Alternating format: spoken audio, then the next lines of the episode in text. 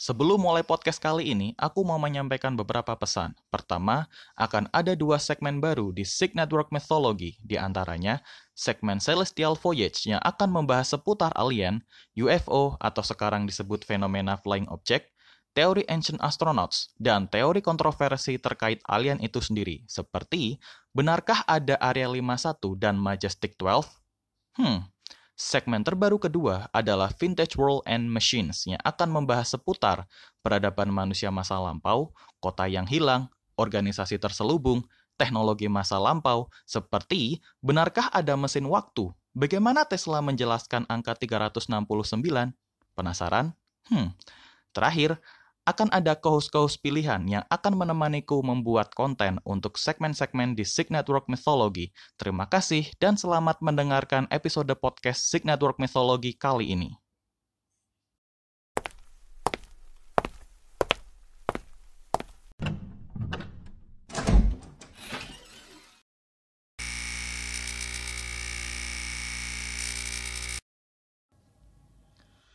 Halo Myth Prider. Salam Starship, namaku Sig Aikis. Selamat datang di semesta Sig Network Mythology.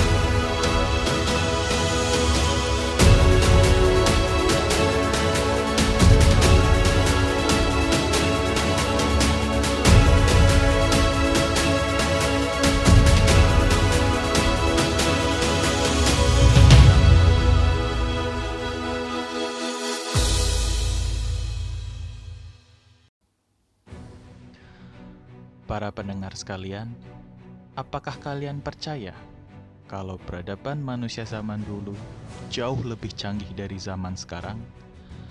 Ataukah kalian percaya dengan adanya organisasi terselubung yang mengatur dunia dari balik layar? Ataukah kalian percaya bahwa ada sejarah yang hilang dan tidak diceritakan ke publik? Segala macam rahasia dan misteri mungkin saja terjadi. Karena baik di luar angkasa maupun di bumi, manusia belum sepenuhnya menjelajahi. Maka lahirlah berbagai spekulasi, hipotesa, dan bahkan teori konspirasi sebagai pemahaman alternatif dari berbagai kemungkinan dan ketidaktahuan. Di episode kali ini, Reon Sastra di Praja seorang gunpla builder, ilustrator, dan keturunan dari bangsa Lemuria akan berbagi cerita tentang jejak sejarah Lemuria dan Atlantis di Indonesia. Selalu ingat untuk terus mencari kebenaran tanpa pembenaran.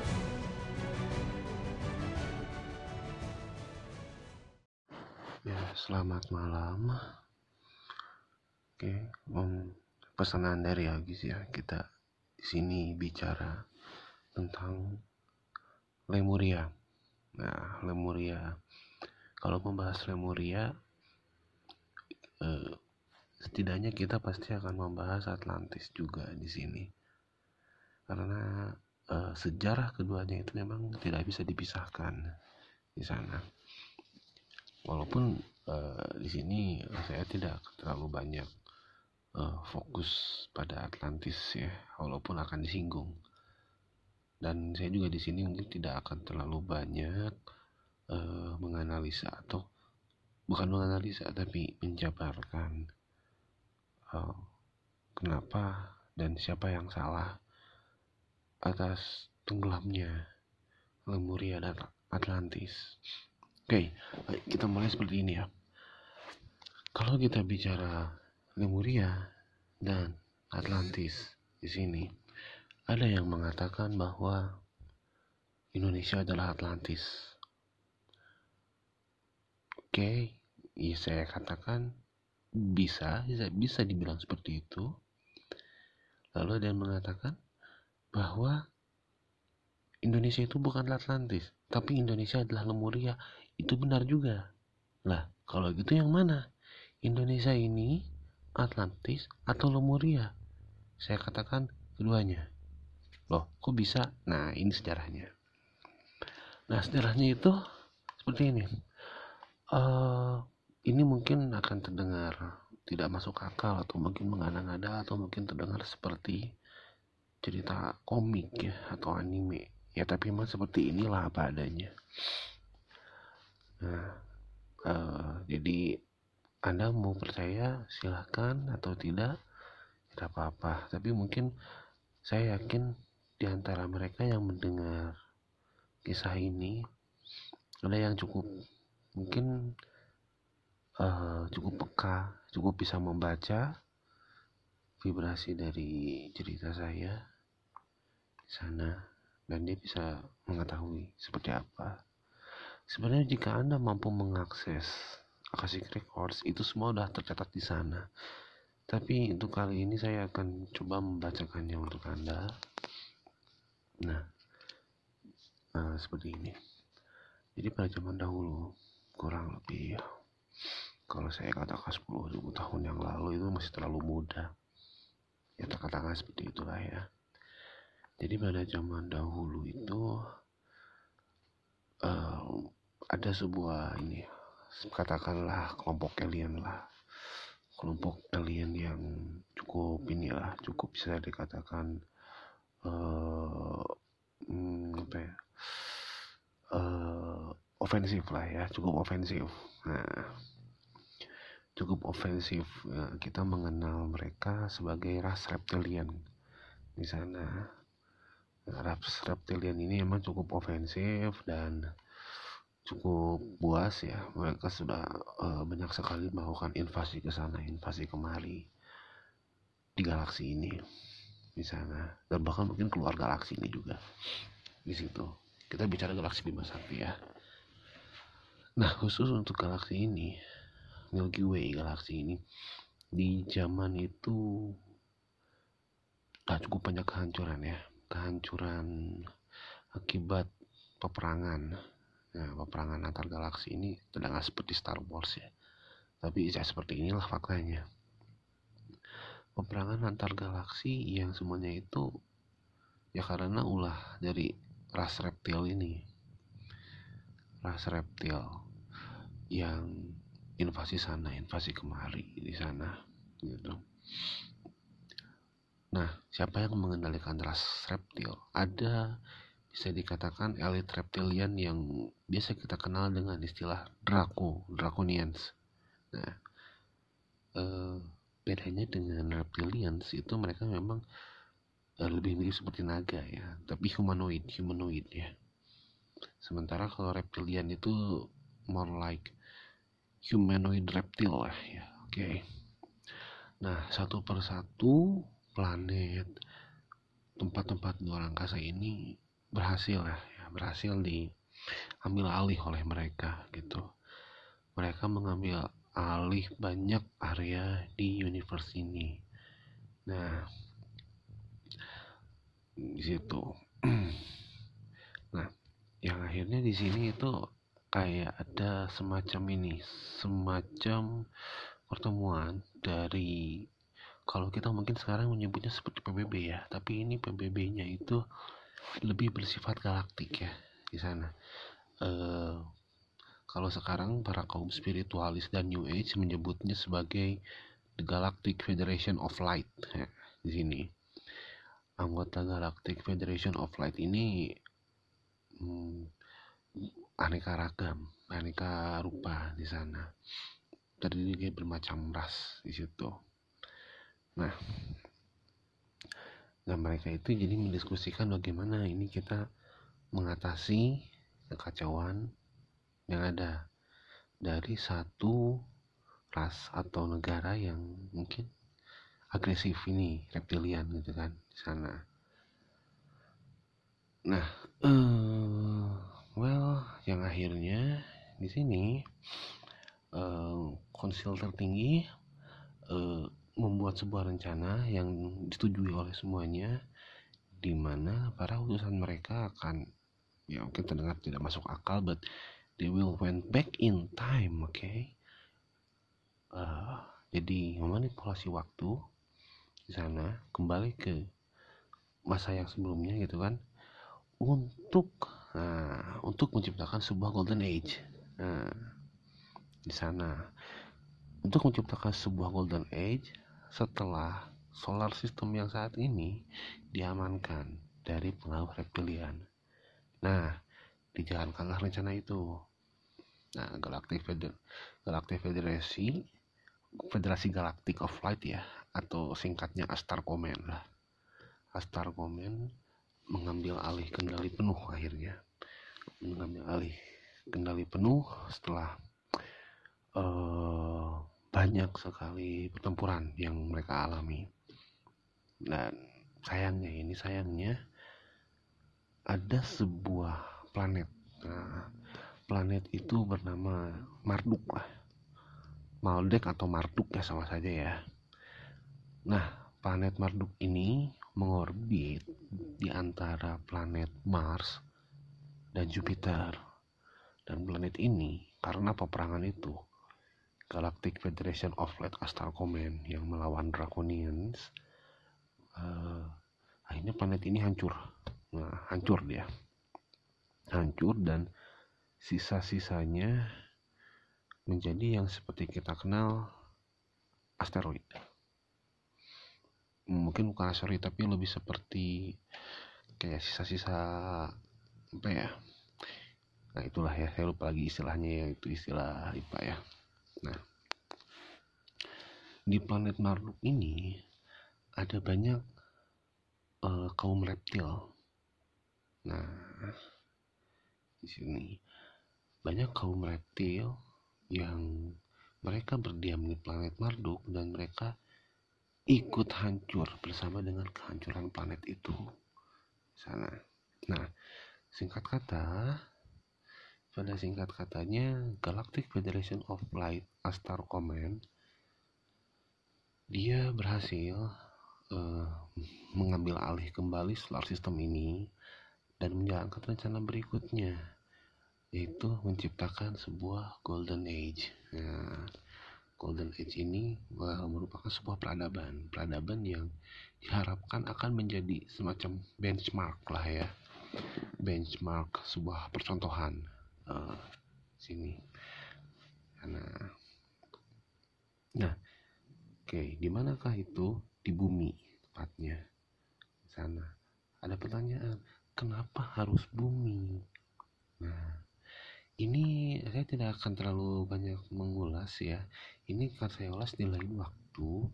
Tapi saya bisa mengatakan bahwa pada kala itu posisi bumi itu seperti sebuah real estate yang diperebutkan. Nah, intinya seperti itu. Lebih lengkapnya mungkin lebih baik di lain waktu saja, oke? Okay? Nah, di sini. Nah, pada saat itu di bumi itu sebenarnya sudah ada banyak ras sudah ada banyak ras seperti ras dari Sirian, Pleiadian dan sebagainya gitu ya yang mereka juga sama uh, pada awalnya itu memang saling bertengkar dengan kaum reptil kaum Draco atas dominasi bumi. Nah ras-ras yang melawan kaum reptil itu ini mereka itu seperti kayak membuat uh, union. Nah union persatuan. Nah, dengan dikoordinir oleh Galactic Federation of Light Astar Command. Di sana mereka membangun sebuah union dan terciptalah sebuah peradaban ya, yang kita kenal dengan nama Lemurian atau Mu sana. Itu sebuah peradaban yang jika dibandingkan dengan zaman sekarang sangat spiritual dan beautiful lah ya di sana. Di mana letaknya? Ya di sinilah Indonesia. Mungkin lebih tepatnya antara Australia dengan Indonesia di sana dan sedikit menyentuh Kalimantan dan Jawa di sana.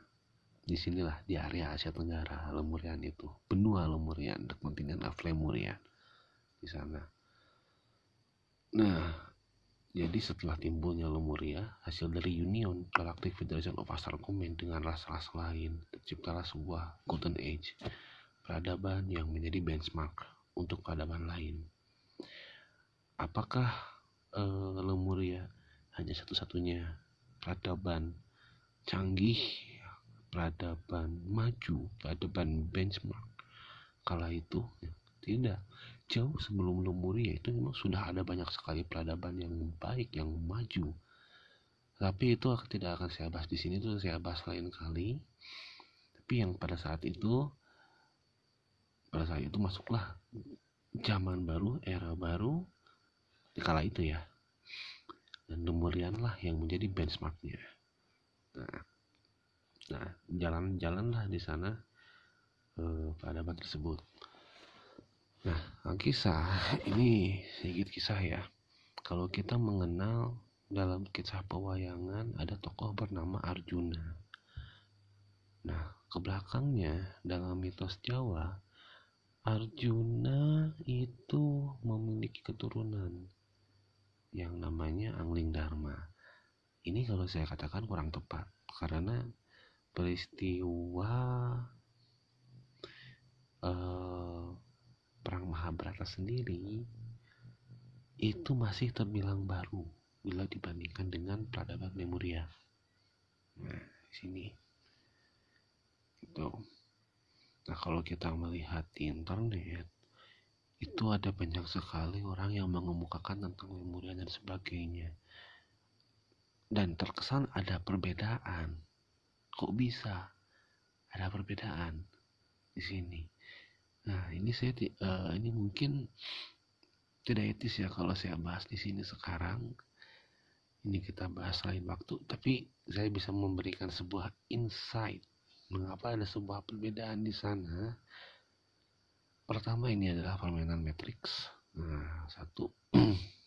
Kedua, uh, yang mereka tangkap adalah another ini, another possibility Nah ini akan panjang sih kalau dibahas gitu. Tapi saya bisa katakan saya tidak mengatakan bahwa yang saya ucapkan adalah akurat ya.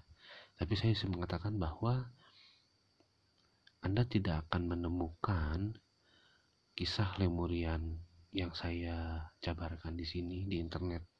Di internet tidak ada. Karena ini saya dapat dari pengalaman saya sendiri, channeling saya sendiri. Di sini. Nah, oke, okay. kita kembali lagi ke cerita Lemurian. Nah, taruhlah di Lemurian itu ada seorang tokoh ya. Seorang tokoh yang cukup kalau misalkan kita bilang uh, di ya mungkin dilukan lah ya diidolakan lah ya sudah seperti seperti seorang dianggap seperti seorang sesepuh atau pemimpin lah ya e, namanya adalah Arkitirema. Ya kalau kita mengenalnya sebagai Angling Dharma di situ. Jadi kalau dikatakan Prabu Angling Dharma itu adalah raja dari kerajaan Mlowopati, uh, itu mitos. Itu mitos, tidak ada itu. Mlowopati itu tidak ada, itu adalah mitos. Nah, karena pada kenyataannya Angling Dharma itu berasal dari Lemuria di sana berasal dari Lemuria dan dia tidak pernah mengklaim dirinya sebagai raja walaupun dia dilulukan sebagai leader. Oke, kembali. Nah, setelah berapa ribu tahun, uh, di sini mulai berembodi jiwa-jiwa yang kalau boleh dibilang sedikit bermasalah. Nah, sedikit bermasalah. Nah, peradaban Lemuria yang awalnya sebuah benchmark semuanya harmonis spiritual mulai terdonai dengan munculnya jiwa-jiwa yang agak termasalah ya di sini. Ya kita sebut untuk sederhananya kita sebutlah mereka sebagai kaum oposisi. Ya. Gitu kaum oposisi di dalam tubuh Lemuria sendiri. Nah terjadi sebuah konflik. Terjadi sebuah konflik di Lemuria yang mengakibatkan kaum oposisi akhirnya memutuskan untuk hengkang. Kaum oposisi ini memutuskan untuk hengkang dari Lemuria. Ini terjadi uh, sekian ribu tahun ya. Uh, jumlah tahun pastinya uh, saya kurang tahu ya berapa lama.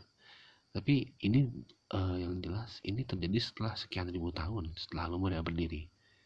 Nah, mereka memutuskan komposisi ini untuk hengkang dari Lemurian untuk membuat peradaban baru peradaban tandingan. Peradaban tandingan yang disokong oleh kaum Draco kaum reptil. Nah peradaban tandingan inilah yang kelak akan bernama Atlantis. Itu ada hanya ada di lautan Atlantik lah ya di sana. Seperti itu. Nah kembali ke ke Lemuria. Yang menjadi unik dalam peradaban Lemuria sendiri adalah uh, mereka didominasi oleh uh, unsur-unsur divine feminine. Nah Contoh, kalau Anda pernah menonton film 300 Sparta, di situ diperlihatkan bagaimana King Leonidas sebelum mengambil keputusan, ia eh, selalu mendatangi Oracle, seorang wanita yang dijuluki Oracle, karena ialah yang dianggap paling bijaksana yang dianggap memiliki visi yang baik ke mana arah negara ini akan dibawa. Nah begitu pun di Anglik Dharma sebagai seorang yang dianggap pemimpin di sana kala itu. Sebenarnya pemimpin Lemuria bukan Anglik Dharma hanya saja mungkin dia dianggap sebagai tokoh yang berpengaruh lah. Berpengaruh besar di Lemuria itu memiliki hubungan khusus lah dengan uh, saya bisa katakan oracle lah ya. Sederhananya sebuah oracle atau high priestess ya high priestess of Lemurian seorang wanita di sana. Ya, jadi Lemuria sendiri didominasi oleh uh, uh, unsur-unsur divine feminine. Uniknya dari Lemurian ya. Kalau sekarang kita keluar rumah kita selalu mengunci pintu. Kalau di era Lemurian saking spiritualnya saking beradabnya mereka kita keluar rumah pun mereka keluar rumah tidak perlu mengunci pintu. Bahkan pintu terbuka pun tidak akan ada pencuri. Itu. Hebatnya Lemurian oke kita lanjutkan. Nah Angling Dharma sendiri atau Arkiterama ini memiliki sebuah hubungan yang cukup dekat lah ya dengan High Priestess itu di sana. Nah pada kala itu um, ada sebuah ini di Atlantis sendiri ada sebuah nafsu ada sebuah ambisi untuk menginvasi Lemurian. Nah padahal Lemurian sendiri adalah kampung halaman mereka para pendiri Atlantis itu para kaum oposisi itu. Nah, mereka ada keinginan untuk menginvasi Lemurian sehingga dari sini muncullah sebuah perang dingin antara Lemurian dengan Atlantis di sini. Nah, di situ.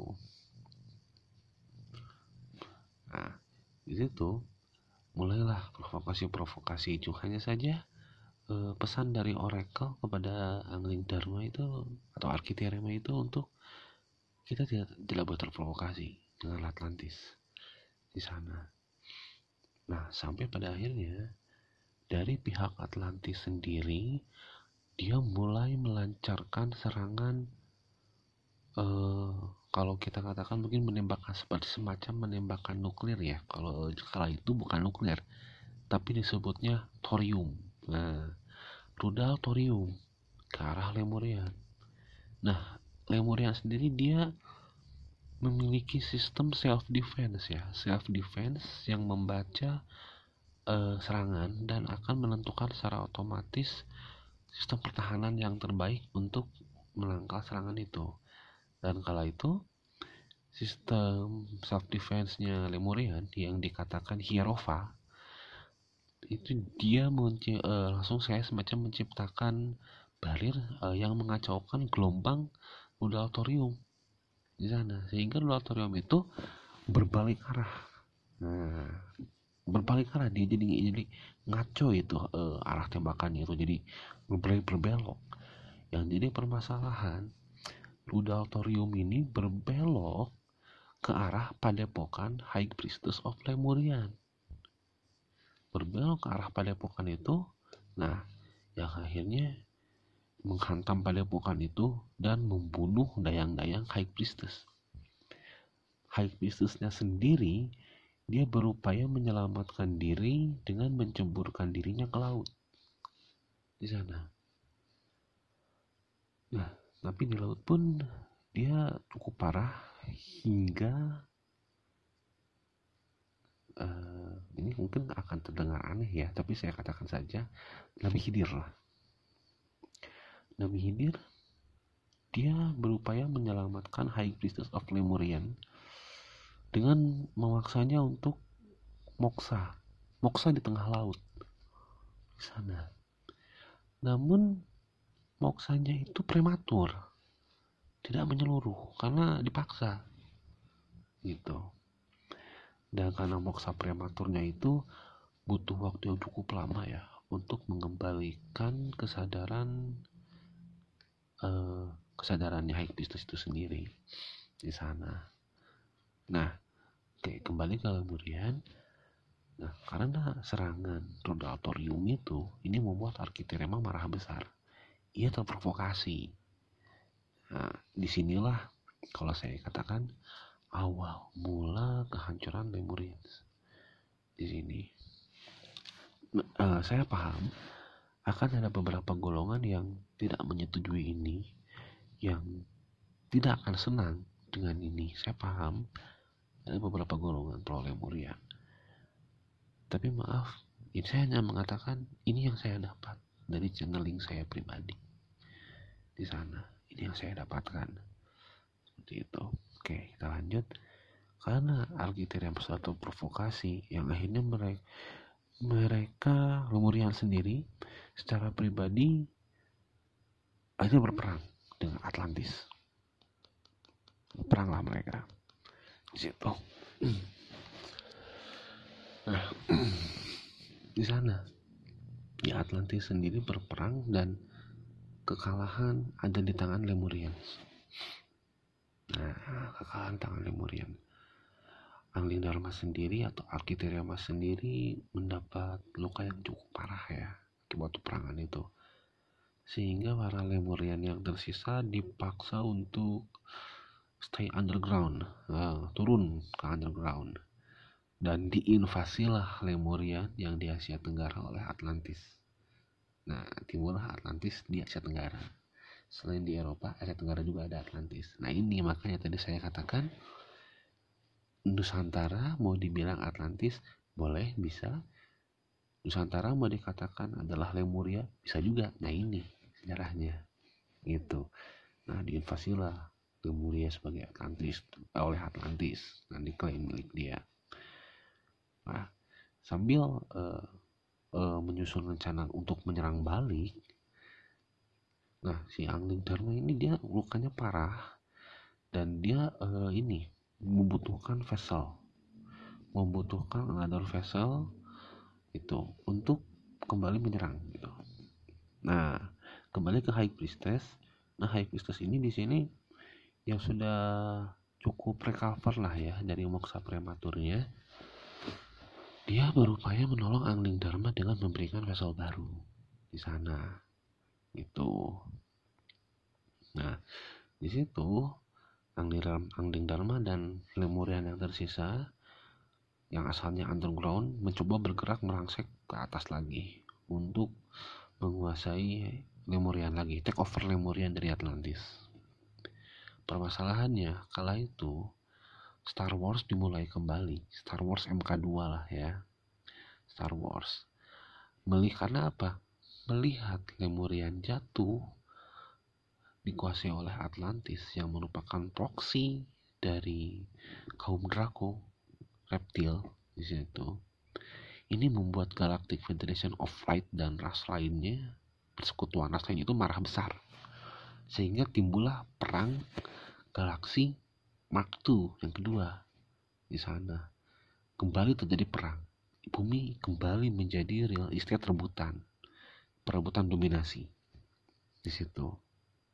Nah melihat kondisi yang malah kacau balau kondisi yang tidak berpihak kepada mereka Lemurian di sini maksudnya yang akhirnya Lemurian uh, mengambil keputusan.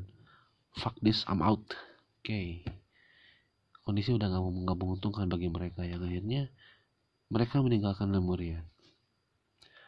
Beberapa ada yang pergi ke luar angkasa menuju planet lain galaksi lain. Ada yang dia hijrah ke tempat yang saat ini kita sebut Mount Sasta ada yang menuju Agartha juga di sana bermacam-macam. Dan ada pula yang memutuskan untuk stay. Yang memutuskan stay ini adalah mereka yang tertinggal di sana. Itu nah lalu bagaimana dengan High Priestess sendiri High Priestess sendiri karena dia sudah moksa secara prematur tapinya dia mendapat sebuah tugas yang dia tidak bisa meninggalkan posnya. Dia memilih tetap tetap bertahan di area Asia Tenggara. Untuk apa? Menjaga Lemurian Legacy. Nah, menjaga sebuah Lemurian Legacy karena Lemurian adalah peradaban benchmark yang diciptakan oleh persekutuan antar bangsa-bangsa galaksi di sana. Jadi High Priestess ini uh, dia harus menjaga Lemurian Legacy itu. Nah, High Priestess inilah yang saat ini kita kenal dengan sebutan Kanjeng Ibu Ratu Kidul. Bukan Roro Kidul ya, itu beda lagi. Tapi Kanjeng Ibu Ratu Kidul. Nah, oke. Okay. Saya tidak akan panjang-panjang membahas Ratu Kidul, itu bahasa nanti ya.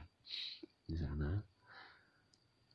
Oke, di sini uh, Atlantis menguasai Lemurian dan ada cukup banyak ya upaya dari pihak Galactic Federation of Light untuk meningkatkan ini kualitas spiritualnya kaum Atlantis. Namun itu pun tidak semuanya berhasil juga di sana hingga akhirnya Atlantis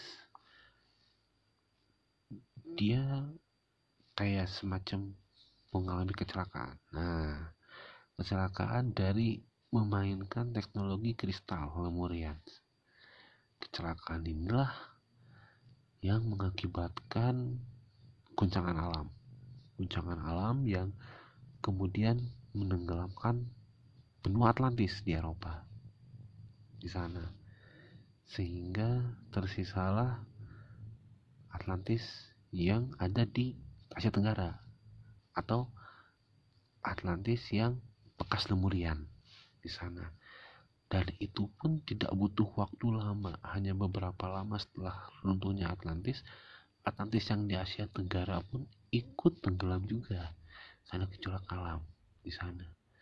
Sehingga hanya menyisakan sebagian sebagian apa yang kita sebut saat ini sebagai Pulau Jawa dan Kalimantan sebagian Kalimantan. Situ. Nah eh, mungkin untuk penjelasan tentang kisah Lemuriansnya sampai di sini saja dulu di sana karena sebenarnya ini masih panjang ya. Masih banyak sekali hal-hal lain yang bisa ingin atau ingin saya sampaikan. Cuman mungkin saya sampai saya dulu ya gitu. Mungkin lain kali saya akan membahas apa yang terjadi pada Arkitirema atau Angling Dharma setelah memutuskan keluar dari Lemuria dan sebagainya. Mungkin itu kita bisa bahas lain kali. Atau mungkin jika autor si Gaigis meminta saya untuk menjelaskannya bisa saya jelaskan tapi untuk pertama ini saya rasa cukup sekian dulu. Oke sampai ketemu waktu berikutnya. Selamat malam.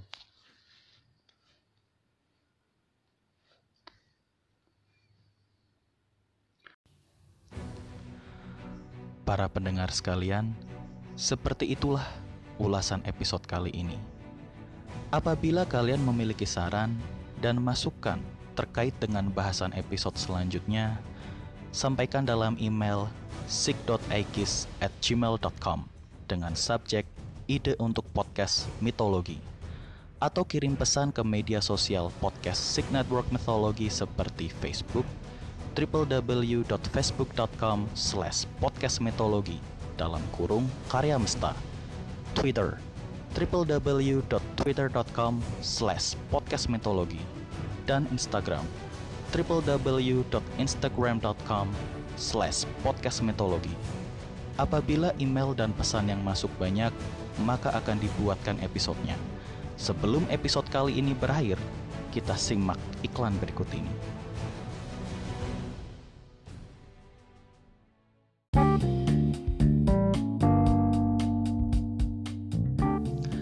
Siaran ini dipersembahkan oleh Salon Kecantikan Dewi Afrodit, Aurania Beauty Salon. Salon kecantikan yang bisa mengubah Medusa menjadi Madonna. Melayani segala macam treatment kecantikan mulai dari potong rambut hingga makeover dengan harga terjangkau. Terbukti membuat para dewa jatuh hati. Segera kunjungi salon kecantikan Dewi Afrodit Aurania Beauty Salon di Jalan Venus nomor 2, Distrik Elysium, Kota Arayavina. Oronia Beauty Salon, salonnya para dewi dan bidadari.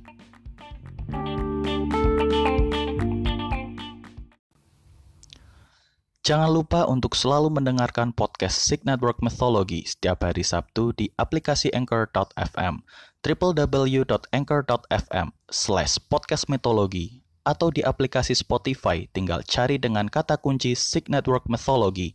Follow juga akun media sosial Sig Network Mythology seperti Facebook www.facebook.com slash podcastmythology dalam kurung karya mesta, Twitter www.twitter.com slash podcastmythology dan Instagram www.instagram.com slash podcastmythology.